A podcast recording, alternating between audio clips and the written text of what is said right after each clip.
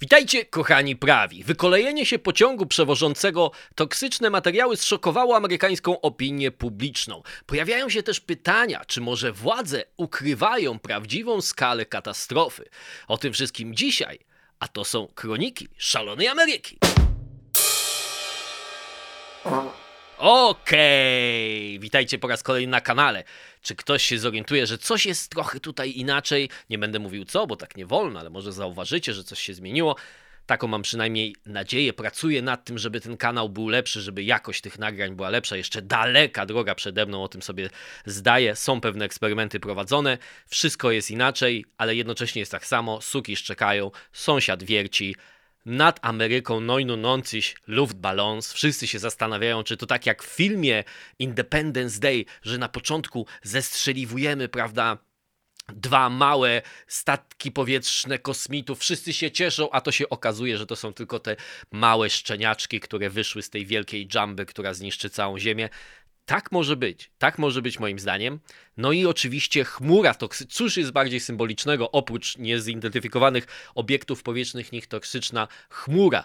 Ostatnio na podstawie powieści bardzo ciekawej zresztą, Rona DeLillo, White Noise, powstał film. Nie wiem, kto jest reżyserem, ale i głównym e, aktorem, który tam gra jest Adam Driver. Można to obejrzeć chyba na Netflix. Gdzieś to oglądałem w każdym razie. I scenariusz tego filmu jest dokładnie taki jak scenariusz tej katastrofy. Wykoleja się pociąg, wydobywa się toksyczna chmura, niebo pokrywa się czerwienią i obywatele jakiegoś małego e, środkowo-zachodniego miasteczka są zmuszeni do ewakuacji, w tym profesor który się zajmuje hitleryzmem w tej książce i filmie, mm, e, historią Adolfa Hitlera. Film jest nie tylko o tym, ale też o jakby refleksji na temat ludzkiej skończoności, śmiertelności ludzkiej. Główny bohater wydaje mu się, że miał ekspozycję do tej, względem tej toksycznej chmury, która jest zagadką. Nie wiadomo, jaka ekspozycja powoduje śmierć i tak dalej. I przez cały film rozważa kwestię właśnie swojego odejścia z tego Westpadołu razem ze swoją żoną, która też ma do życia dosyć filozoficzne nastawienie, ale ten film Zresztą jakby połączenie pomiędzy jakby rzeczywistością a narracją literacko-filmową jest tak bliskie, że nawet przeczytałem w jednych z tych raportów medialnych, że jedna, jedna z tych osób z East Palestine, z tego miasteczka w Ohio, gdzie wykoleił się ten pociąg, która była zmuszona się ewakuować w konsekwencji tej katastrofy, była statystą podczas nagrywania tego filmu White Noise, o którym mówimy. Ale to też pokazuje tajemniczość tej całej, dlaczego ona tak przykuwa uwagę opinii publicznej, prawda? Mamy tutaj właśnie efekt, że niebo e, nagle jest, pokrywa się czymś, co jest tajemnicze, czy to spowoduje nas, nas wszystkich śmieć, szczególnie w amerykańskiej psyche, gdzie realne zagrożenia, ja nie mówię, że to zagrożenie nie jest realne, ale gdzie takie zagrożenia realne są rzadkie, prawda, poza jakimiś właśnie katastrofami przemysłowymi i naturalnymi, wojny, prawda, to nie jest doświad, oprócz oczywiście woj wojen toczonych na wyjeździe, mówiąc potocznie, więc jakby takie taka przeświadczenie, że coś na nas czyha, a w dodatku jeszcze mamy do czynienia z jakimś być może spiskiem, z ukrywaniem przez rząd szczegółów na temat tego, co się wydarzyło, co zawsze jest oczywiście możliwe i do takich sytuacji w przeszłości dochodziło, ale, ale jest to coś, jest w tym wszystkim. Razem z tych balonach i w tej katastrofie tego pociągu jest coś bardzo bardzo amerykańskiego sposobie przeżywania tego wszystkiego, a to oczywiście jest projektowane na cały świat, bo my zaczynamy oczywiście od, dłuższego czasu, y, od, od, długiego czasu przeżywamy wiele wydarzeń, tak jak je przeżywają Amerykanie poprzez pryzmat amerykańskiej kultury i popkultury.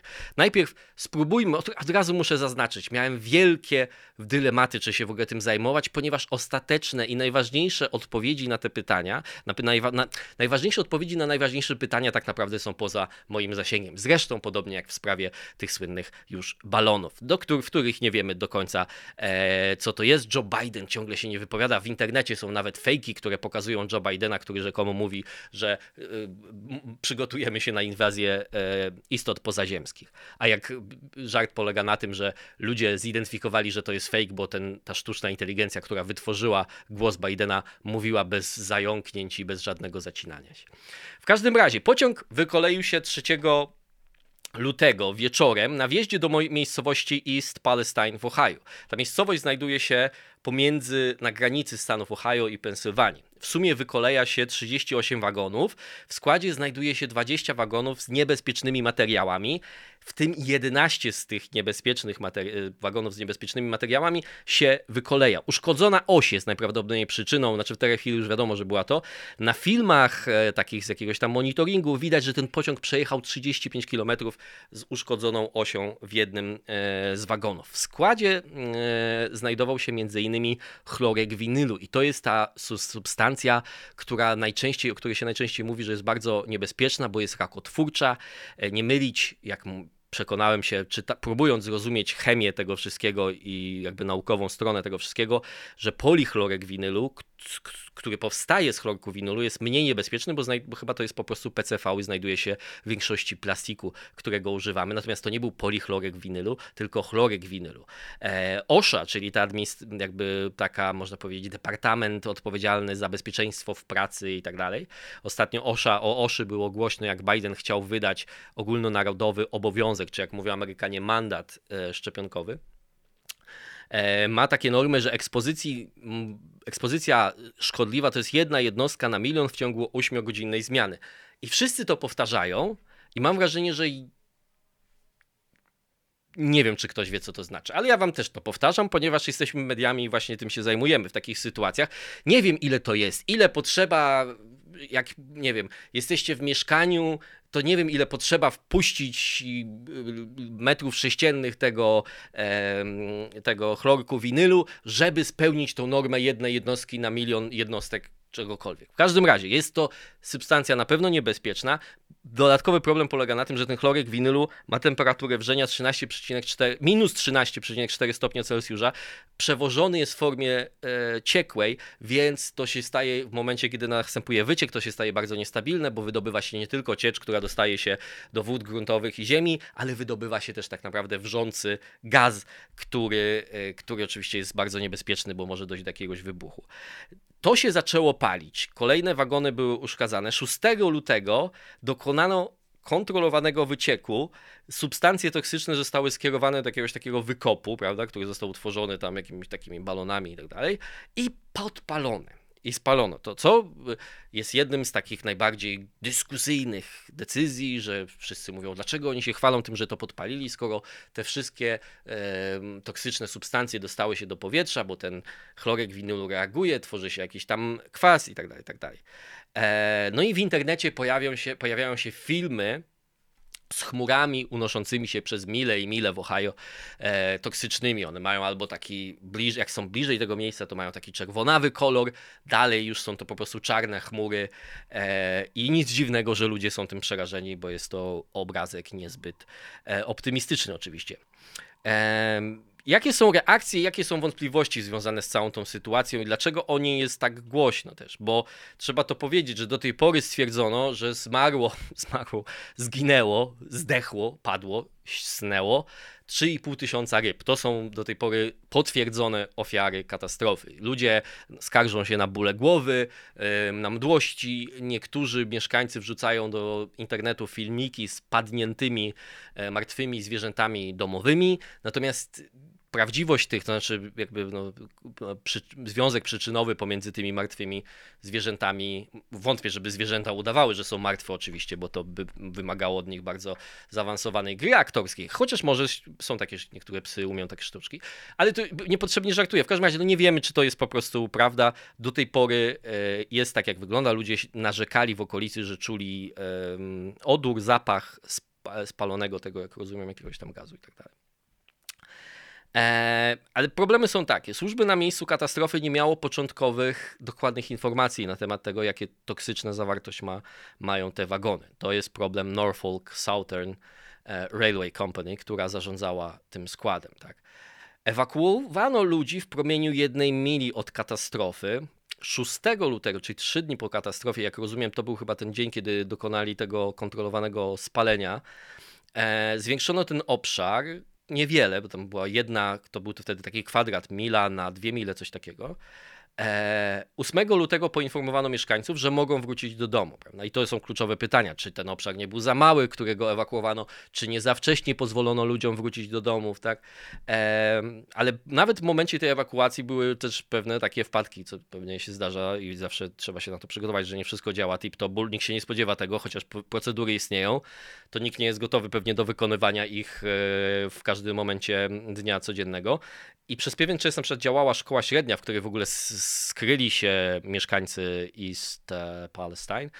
E, I jakaś taka świetlica, to się nazywa Community Center, tak? Myślę, że można to przetłumaczyć na polski jako świetlica. No więc y, też niektórzy mieszkańcy mówią o tym, że były był obowiązek ewakuacji, ale był też obowiązek shelter in place. To jest trochę co innego, czyli zostań bezpiecznie, pozostań w domu, prawda? E, więc część mieszkańców została w domu, część mieszkańców nie chciała się ewakuować i tak dalej, i tak dalej, i tak dalej. Więc są pytania o to. Są pytania o to, jak zarządzane są koleje na poziomie oczywiście, bo to są prywatne e, firmy.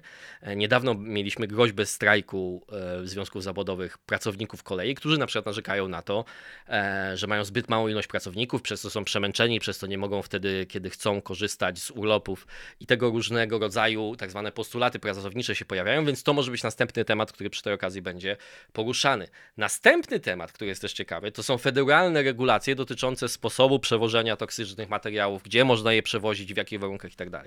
Pete Buttigieg tutaj jest istotny, ponieważ Pete Buttigieg, nowa nadzieja sprzed przynajmniej czterech lat e, demokratów, e, guber, e, przepraszam, burmistrz małego miasteczka w Indianie, tam to miasteczko ma chyba tysiąc mieszkańców, podobnie trochę, to East Palestine ma chyba cztery tysiące mieszkańców, ale on był kontrkandydatem Joe Bidena w prawyborach, on jest homoseksualistą zdeklarowanym, wszyscy się nim zachwycali, E, I Biden go mianował właśnie sekretarzem transportu i mówiono, że to takie będzie spokojne miejsce, w którym on będzie mógł się przechować y, w oczekiwaniu być może na kolejną kampanię prezydencką, a być może na jakieś inne wysokie stanowisko. No nie za bardzo mu to wychodzi, to przechowywanie.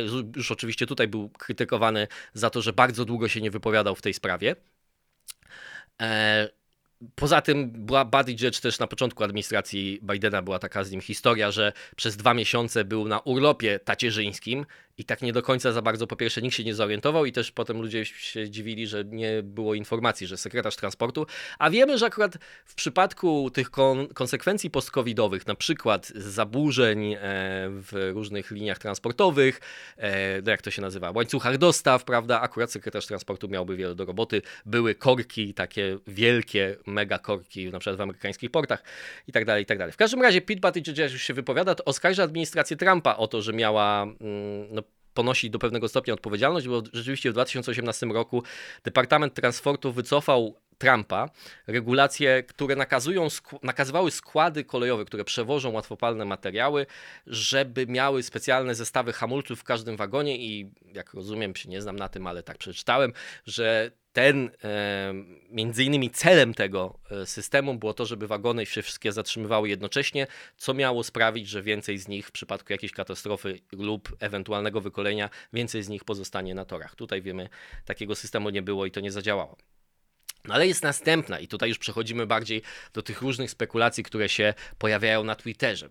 Po pierwsze, czy ktoś ukrywa przed nami prawdę, tak? No rzeczywiście ktoś mógłby powiedzieć, że fakt, że ja dzisiaj jest 16, a ja mówię o rzeczy, która się wydarzyła trzeciego, to jest dowód na to, że media dopiero po pewnym czasie zajęły się tą sprawą, że ona była ukrywana. Takich tweetów nikt o tym nie wie, ale wydarzyła się w Stanach Zjednoczonych potężna katastrofa i tak dalej, i tak dalej. Można dwojako na to spojrzeć, albo że to jest prawda, że ktoś przed nami to ukrywa, ale również można spojrzeć na to w ten sposób, że dlatego dopiero tyle o tym mówimy, właśnie ze względu na to, że się pojawiają takie spekulacje, że to było dużo większe niż w rzeczywistości i że należy o tym mówić, a ci, którzy o tym nie mówią, to ukrywają, prawda? Ja nie mam odpowiedzi jednoznacznej na to pytanie, tylko chcę wam jakby zaprezentować te, te dwie. Szczególnie, że mówiąc szczerze, to nie jest tak, że media to ukrywały, tylko nie wiem, no może w Polsce to nie zostało zauważone. Artykuły prasowe z czwartego, z AP, z New York Timesa, ze wszystkich agencji, które no na, na bieżąco opisują to, co się dzieje w Stanach. Sąsiad zaczyna nawalać, więc psy mogą zacząć czekać. Uspokójcie się, dzieci. Były i one opisywały krok po kroku to, co się tam działo, jakie decyzje podejmowały władze lokalne, co robiła ta firma, kiedy ewakuowano ludzi i tak dalej, tak dalej, tak dalej. E, ale no może, może to też jest tak, że ludzie, którzy się prezentują jako alternatywne źródła informacji, tacy, no nie chcę ich nazywać nawet jakimiś teoretykami spiskowymi, ale bardziej tacy populistyczni dostarczyciele newsów, potrzebują przedstawić wszystko to w ramach takiej narracji, że ja przedstawiam wam coś, czego nie dowiecie się znikąd. To często jest tak, ja, ja tak samo mówiłem o tym, e, jak rozmawialiśmy o tym tak zwanym nowym, tfu, wielkim resecie, prawda, że tajny plan, który jest powszechnie ogłaszany przez samego Klausa Schwaba w książce i można znaleźć wiele mm, informacji na stronach Światowego Forum Ekonomicznego. Może, może to jest tak. Na, bo na przykład jest taka rzecz, która często ludzie czytają tylko nagłówek i im wydaje się, że to jest kolejny dowód na narrację, którą już mają w głowie. Na przykład, że podczas konferencji, że, że został e, aresztowany reporter, który chciał e, donosić o tej katastrofie, czy chciał, chciał mówić o tej katastrofie. I w domyśle, rozumiem, wszyscy, którzy czytają ten nagłówek, widziałem go wielokrotnie podawany, jest taki, że aresztowano reportera dlatego, że chciano ukryć prawdę. Sytuacja jest dziwna i trochę bardziej skomplikowana. Wygląda, to jest reporter News Nation. Wyglądała tak, że była konferencja prasowa zaplanowana na 8 lutego. Sam fakt, że ktoś już jest konferencja prasowa, to jakby pokazuje, że to nie jest jakaś wielka tajemnica, która była ukrywana. Czasem ludzie mogą sobie taką, taką, taką percepcję wyrobić. E, I wydarzyła się sytuacja, która jest, wydarza się, jak uczestniczyłem w wielu konferencjach prasowych, to wydarza się właściwie na, prawie na każdej, albo bardzo często. Czyli zgrzyt pomiędzy organizatorami a dziennikarzami. Organizatorzy ogłosili konferencję na trzecią, potem przesunęli ją na piątą, ale dziennikarze mają swoje różne zadania. Na przykład muszą mieć wejścia do telewizji czy radia, dla którego pracują, jeśli pracują dla telewizji lub radia. I on miał właśnie na piątą e, po południu zaplanowane wejście na żywo i przeprowadził to wejście na żywo w trakcie, w, trakcie, w którym odbywała się ta konferencja.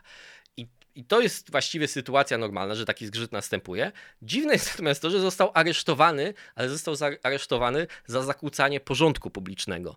E, co oczywiście może kryć się w tym jakieś drugie dno, ale moim zdaniem jest to po prostu zwykła głupota. Ktoś się wkurzył. Też nie wiem do końca w jakim miejscu, w jakiej bliskości do tej konferencji. Czy to było tak, że nie wiem, to było jakieś małe miejsce na przykład i nie słychać było tego, czy, czy, czy nakładały się te dwa głosy na siebie.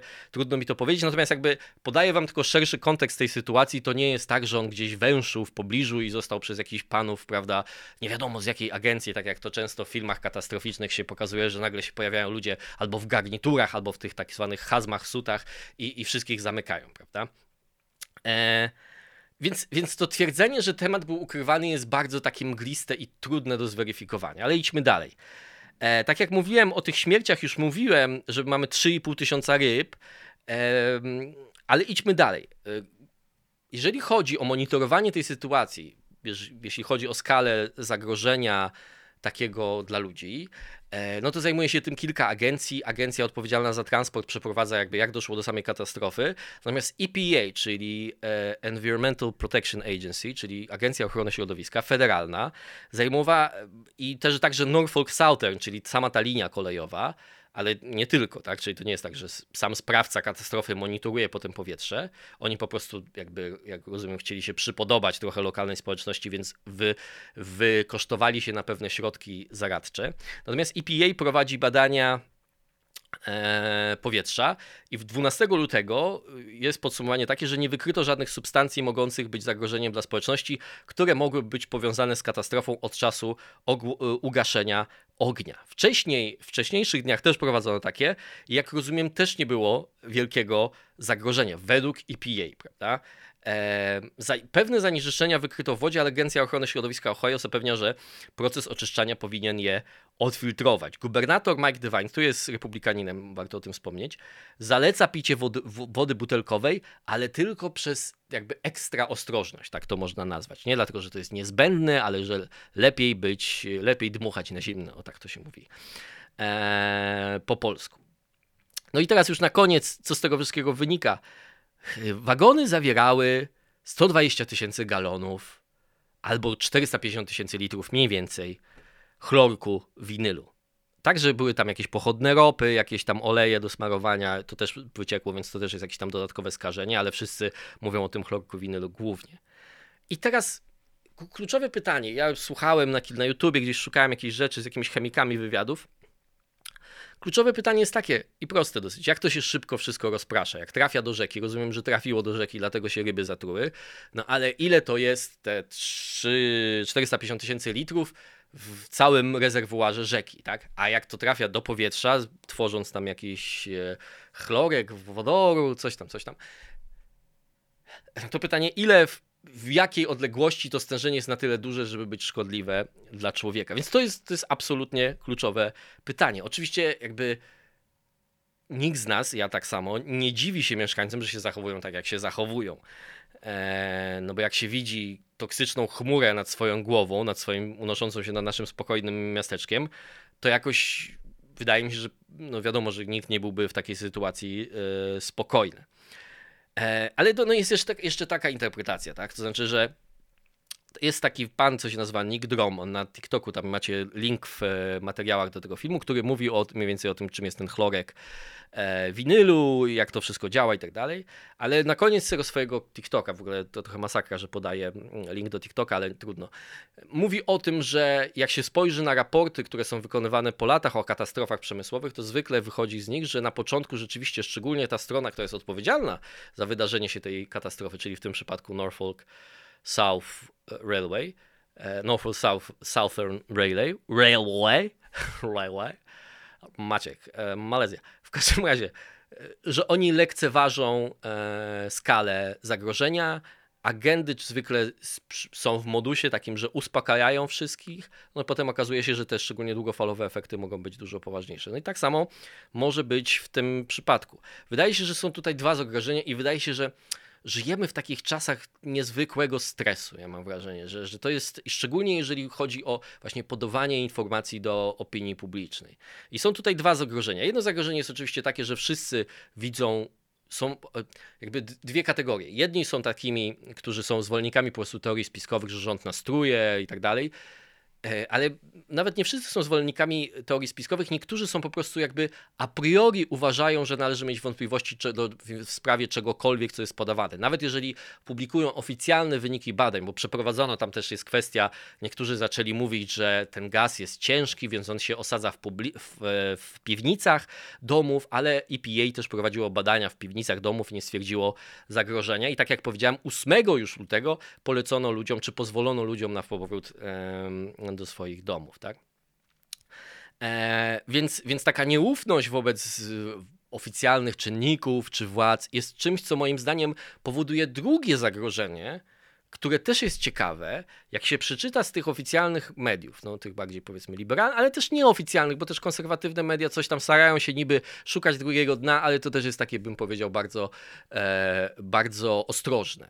Że właśnie jest ta ostrożność po stronie mediów, że one nagle zamiast zacząć zadawać pytania, kluczowe w takiej sytuacji, jak to jest niebezpieczne, chcą uzyskać komunikat oficjalny, ponieważ powinni się wypowiedzieć eksperci, żeby wszyscy się uspokoili, przez co media bardziej nie myślą o prawdzie, tylko myślą o e, reakcji emocjonalnej, którą to wywoła. I te dwa zjawiska się napędzają, bo media nie chcą napędzać e, teorii spiskowych, ale przez to, że powtarzają tylko oficjalną narrację i nie zadają pytań, to sprawia, że te teorie spiskowe właśnie się napędzają, bo którzy mówią, no oczywiście, że oni oficjalna, oficjalna wersja, nikt o tym nie mówi i tak dalej, i tak dalej, i tak dalej. I, i to jest dziwna sytuacja i to jest dosyć niepokojąca sytuacja. E, no ale ostatecznie też trzeba pamiętać o tym, że takie organizacje jak chociażby. Nie wiem, czy można porównywać, bo to jest z jednej strony federalna organizacja. Ona jest podat, po, po, po, podległa rządowi e, federalnemu, tak jak EPA. W, y, to, WHO to jest trochę co innego. Ale w każdym razie, niezależnie od różnic między nimi, to nie są organizacje pozapolityczne. O tym się przekonaliśmy podczas e, pandemii. I COVID pokazał, jak może się zmienić linia i że one też myślą, i to też, też dla mnie był zawsze wielki problem, tak?